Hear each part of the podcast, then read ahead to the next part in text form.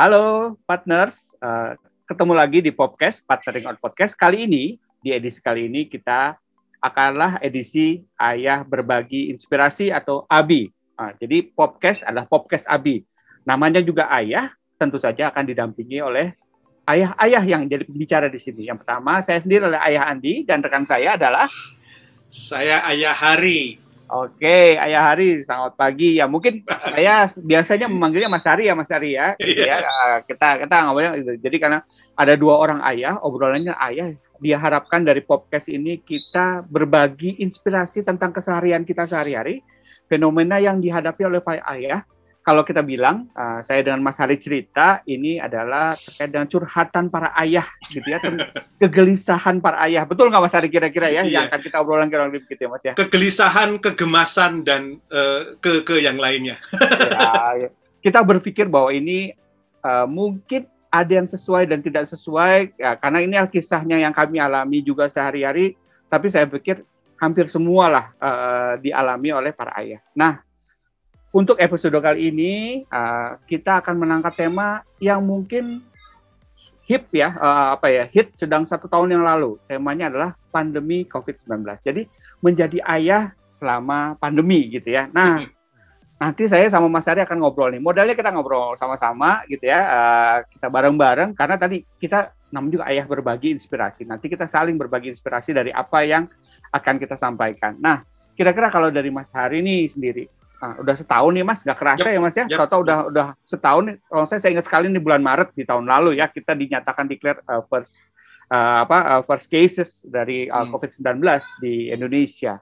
Yeah. Nah, kalau Mas Hari ini gitu ya dari Mas Hari sendiri selama setahun apa yang Mas Hari rasakan gitu ya uh, di masa pandeminya dulu nih gitu ya dari keseharian Mas Hari sebenarnya. Uh, pertama campur aduk kalau ngomong perasaan itu agak susah, tidak hmm. ada tunggal perasaan campur aduk. Yang kedua sebenarnya uh, uh, apa ya, uh, setiap tahap itu berbeda-beda.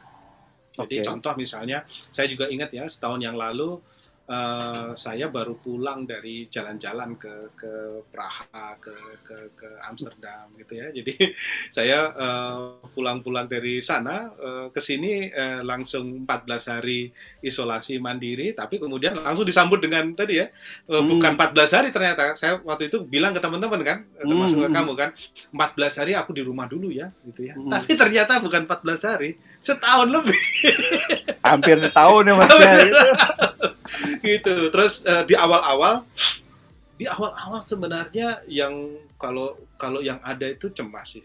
Cemas kalau saya sih cemas. Hmm. cemas uh, apa uh, cemas terkait dengan uh, kondisi ya. Gitu, okay. jangan-jangan juga itu uh, uh, pertama sih cemas saya menulari. Karena pada waktu itu kan kesannya adalah uh, orang yang nggak pergi ke mana-mana aman Ya kan, Dik? Oke, betul. Ya, betul, betul kan, Apalagi ya? Mas Ari dari luar negeri ya, Mas ya. Pada, padahal dari luar negeri gitu ya. Kecemasan ya. bertambah pastinya. Kecemasan mas, bertambah karena ada juga perasaan guilty feeling kan. Jangan-jangan hmm. aku yang yang uh, menyebabkan ya? itu. Iya, jangan-jangan aku carrier gitu. Karena memang pada saat di sana saya ada beberapa gejala yang saya alami. Dik. Saya ada gejala. Oke. Okay, ya, okay. jadi saya saya ngerasa itu. Eh, kemudian ketika saya pulang beberapa hari kemudian anak saya panas gitu dan muncul ruam-ruam. Jadi Waduh. jadi uh, apa awal-awal itu cemas dan merasa uh, bersalah dan kemudian uh, berikutnya campur campur aduk karena uh, uh, kan kita menjalani peran banyak peran ya, Di ya. Ya, betul. Ya, betul. betul ya kita semua menjalani banyak peran ya. Saya uh, peran sebagai ayah. Sebagai ayah tentu saja uh, uh, kalau di kami itu uh, di keluarga kami uh, mungkin nanti hampir sama juga dengan keluargamu ya di keluarga kecil kami kami memang uh, lebih banyak berbagi tugas gitu ya. Uh, tapi ya tetap ayah itu salah satu salah satu pilar terutama ketika pengambilan keputusan gitu ya terkait dengan hal-hal penting di keluarga tempat tempat uh, uh, semua anggota keluarga bercerita minta pertimbangan tuh biasanya ke saya kan gitu. anak saya minta pertimbangan ke saya istri minta pertimbangan ke saya jadi uh, kita tuh kayak semacam ada tuntutan untuk fit ya di untuk ya. fit secara fisik dan juga secara emosional. Di sisi lain, saya juga berperan uh, uh, apa uh, kita semua juga ngelola ngelola partner yang kita juga ada ya. ada kecemasan juga terkait dengan ini bukan hanya tekan keluarga kita, tapi gimana ya? Karena partnering juga uh, uh, apa yang terjadi dengan partnering ya kalau kondisi ini berjalan lama. Betul, betul, nah, di betul. sisi lain juga ada uh, saya juga dosen yang juga punya mahasiswa yang uh, saya bimbing, saya ajar. Gimana ya mahasiswa saya? Jadi uh, uh, di sisi lain saya juga mahasiswa, di. Jadi tuntutan peran itu conflicting. Hmm. Yang menuntut saya uh, uh, tetap fit gitu ya. Jadi ada selain kecemasan muncul juga uh, uh, ada ada perasaan tertekan juga. Saya saya tidak tidak pungkiri saya tertekan di awal-awal itu tertekan karena uh, ada tuntutan uh, semuanya beradaptasi kan semuanya beradaptasi kan misalnya uh, jadi ayah keluarga tetap stay apa safe uh, jadi dosen tetap bisa ngajar jadi pembimbing tetap bisa melayani mahasiswa bimbingan jadi mahasiswa tetap bisa perform.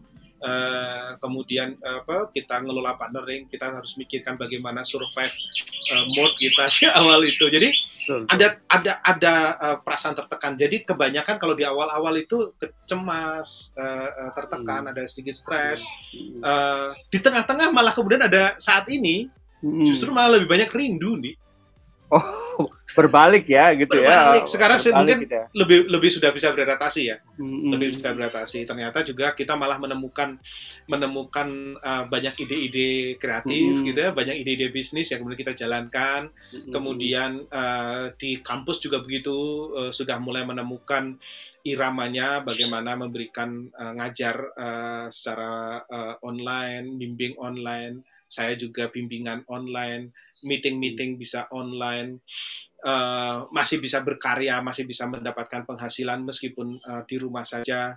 Tapi sekarang yang muncul adalah rindu, nih, karena nah, jarang bertemu dengan orang-orang terdekat. Saya saya sudah setahun lebih malah kalau dihitung setahun malah setahun lebih karena sebelum pandemi okay, okay. saya nggak saya nggak ke kampung halaman saya, saya nggak ke Solo, saya nggak ke Jogja. Oh Gak sama sekali ya mas nggak sama ya? sekali rindu banget rindu banget okay. jadi jadi uh, uh, tidak tergantikan. Itu ya. Kalau kalau kamu sendiri kan nah kalau saya nih mas kalau saya umumnya sama kan ya. Uh, kalau saya pertama kali adalah uh, khawatir jelas. Cemas iya. Apalagi kemudian memang uh, kebetulan istri saya adalah dokter gitu ya. Jadi memang informasinya sedikit lebih detail dibandingkan dengan apa yang disampaikan oleh orang di luar sana gitu ya. Kadang-kadang tidak tahu itu bersyukur ya. Ah, betul, betul gitu kan. Di mana kalau orang di luar mungkin hanya melihat berita.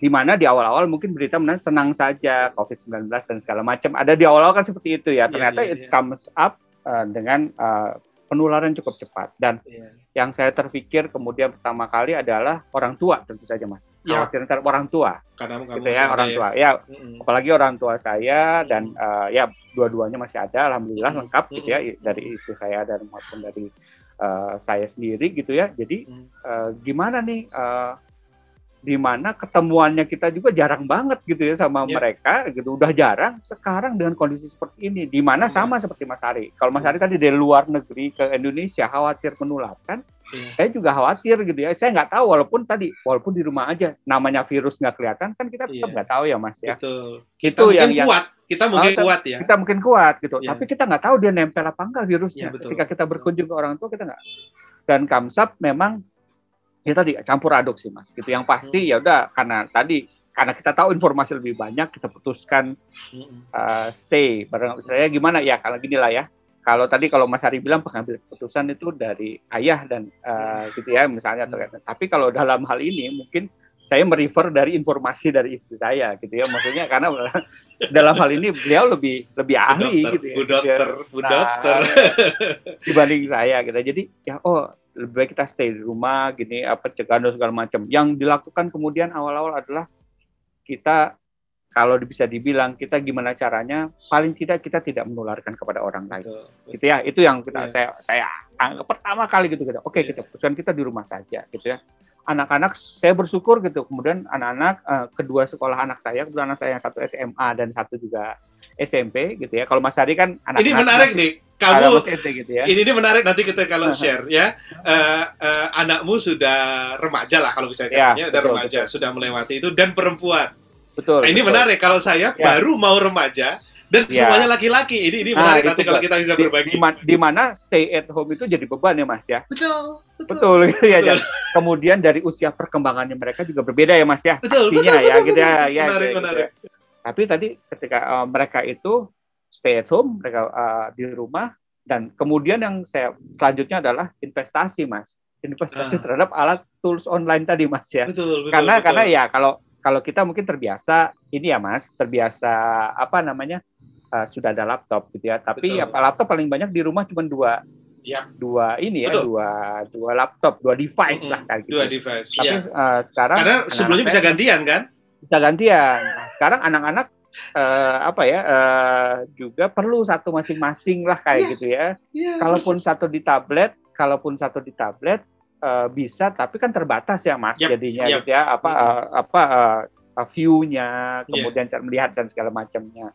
Jadi akhirnya ya kita mencari investasi di situlah ya, kita Iya. nyebutnya investasi gitu. Nah eh, dari situ kemudian, nah kebetulan yang yang menarik lagi adalah salah satu anak saya itu baru masuk SMA mas. Jadi dia pindah gitu ya. Jadi kalau dulu SMP-nya di tempat yang berbeda dengan SMA-nya, sehingga dia harus adjust ke dalam Iya, dia harus adaptasi Ya, nah, yang ah, baru. gitu ya, baru. Nanti eh, itu itu yang sangat berbeda. Tapi saya beruntungnya adalah dua-duanya sekolahnya cukup tanggap terhadap protokol ya mas ya. Pada Ah. akhirnya ketika itu Nah, itu, itu, ketika itu muncul sangat penting. gini kalau dari sisi mungkin dari sisi kesehatan gitu ya, dari yang saya tahu eh, pemerintah juga mengeluarkan protokol-protokol yang harus dipatuhi. Pada akhirnya mungkin eh, kemudian di tengah-tengah saya sempat senang ketika ada protokol berarti ada panduan yang harus kita lakukan dan bisa kita lakukan.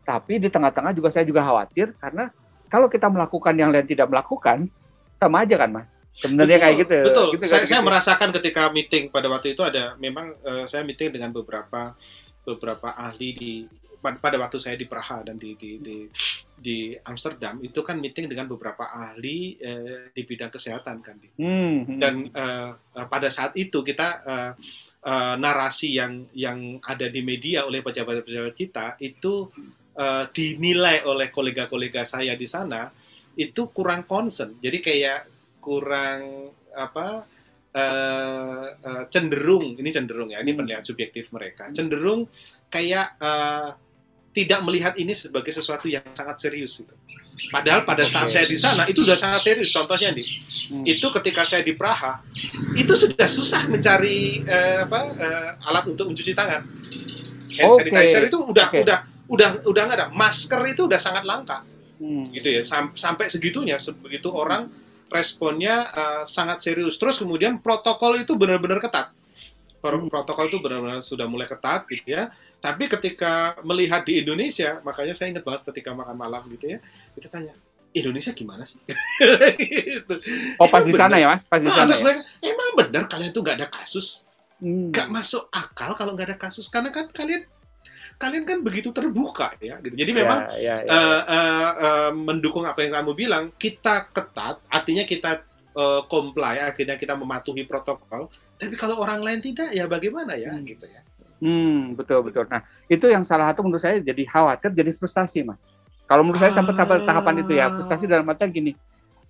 eh, ya, mungkin gini ya, kalau kalau di negara lain gitu ya, Mas ya, mungkin sudah sampai apa ya, eh, dibilang sudah sampai puncaknya gitu ya. Yep. Kita eh, di di pertengahan tahun kemarin 2020. Ya. Sementara di negara kita belum, Belum- sampai Belum nyampe puncaknya. Puncak, puncaknya nggak nggak kelihatan puncaknya di Iya, mana betul, betul, gitu betul, gitu betul. ya Kar- karena memang tadi eh, banyak banyak sekali implikasi. Nah, saya lagi sebagai seorang ayah gitu, saya memang berpikir apa yang bisa saya lakukan ya gitu ya eh, dalam proses ini. Mungkin yang yang kita alami ini dialami juga yang lainnya. Kita khawatir kita harus belanja gadget lagi yang baru ya Mas walaupun ya. balik lagi tadi eh, tadinya kita eh, untuk belanja gadget mungkin perlu pertimbangan yang sangat matang ya Betul. sekarang tadi eh, kalau dari saya tadi kalau terkait dengan pengambilan keputusan jadi keputusan kita adalah sesuatu barang yang sifatnya tadi yang tertier tertier apa eh, ketiga ya tertier ya tersier kita Sekarang bisa jadi jadi primer Iya, betul. jadi utama gitu ya Betul, mas ya gitu ada betul. tentang tentang belanja ya belanja barang kita saya kalau tadi yang mahal saya nyebutnya investasi ya gitu ya Iya. karena memang jangka panjang gitu ya gitu Iya. eh apa eh, itu terjadi seperti itu belum lagi tadi kata Mas Ari juga saya saya kata, ya sebagai ayah kan keluar, kepala keluarga ya Mas ya gitu Betul. ya kepala keluarga di mana secara normatif mungkin kita mencari uang ya Mas ya buat Iya. keluarga kita gitu ya. Iya. Di mana yang kita jalankan di partnering ini challenge-nya adalah learning online uh, offline awalnya Online. gitu. Dan Begitu itu memang kekuatan kita ya. Maksudnya kekuatan kita. kita Ya, kita kekuatan- dulu um, Ah. apa kekuatan kita itu kan eh, bagaimana interaksi dengan betul. dengan apa learning partner kita Betul, gitu ya. betul, Terus kemudian betul. bagaimana kita mengembangkan inovasi Hmm. pembelajaran yang memang justru sangat membutuhkan eh, kedekatan eh, Hmm. termasuk fisik dan segala macam ya Hmm. pokoknya berlawanan lah dengan Betul, protokol betul. kesehatan. betul betul nah makanya tuh ketika proses itu kan kita oh kita harus berpikir seperti apa nanti eh, buat eh, partners para ayah gitu ya partners para ayah di sini kita akan kembali lagi nanti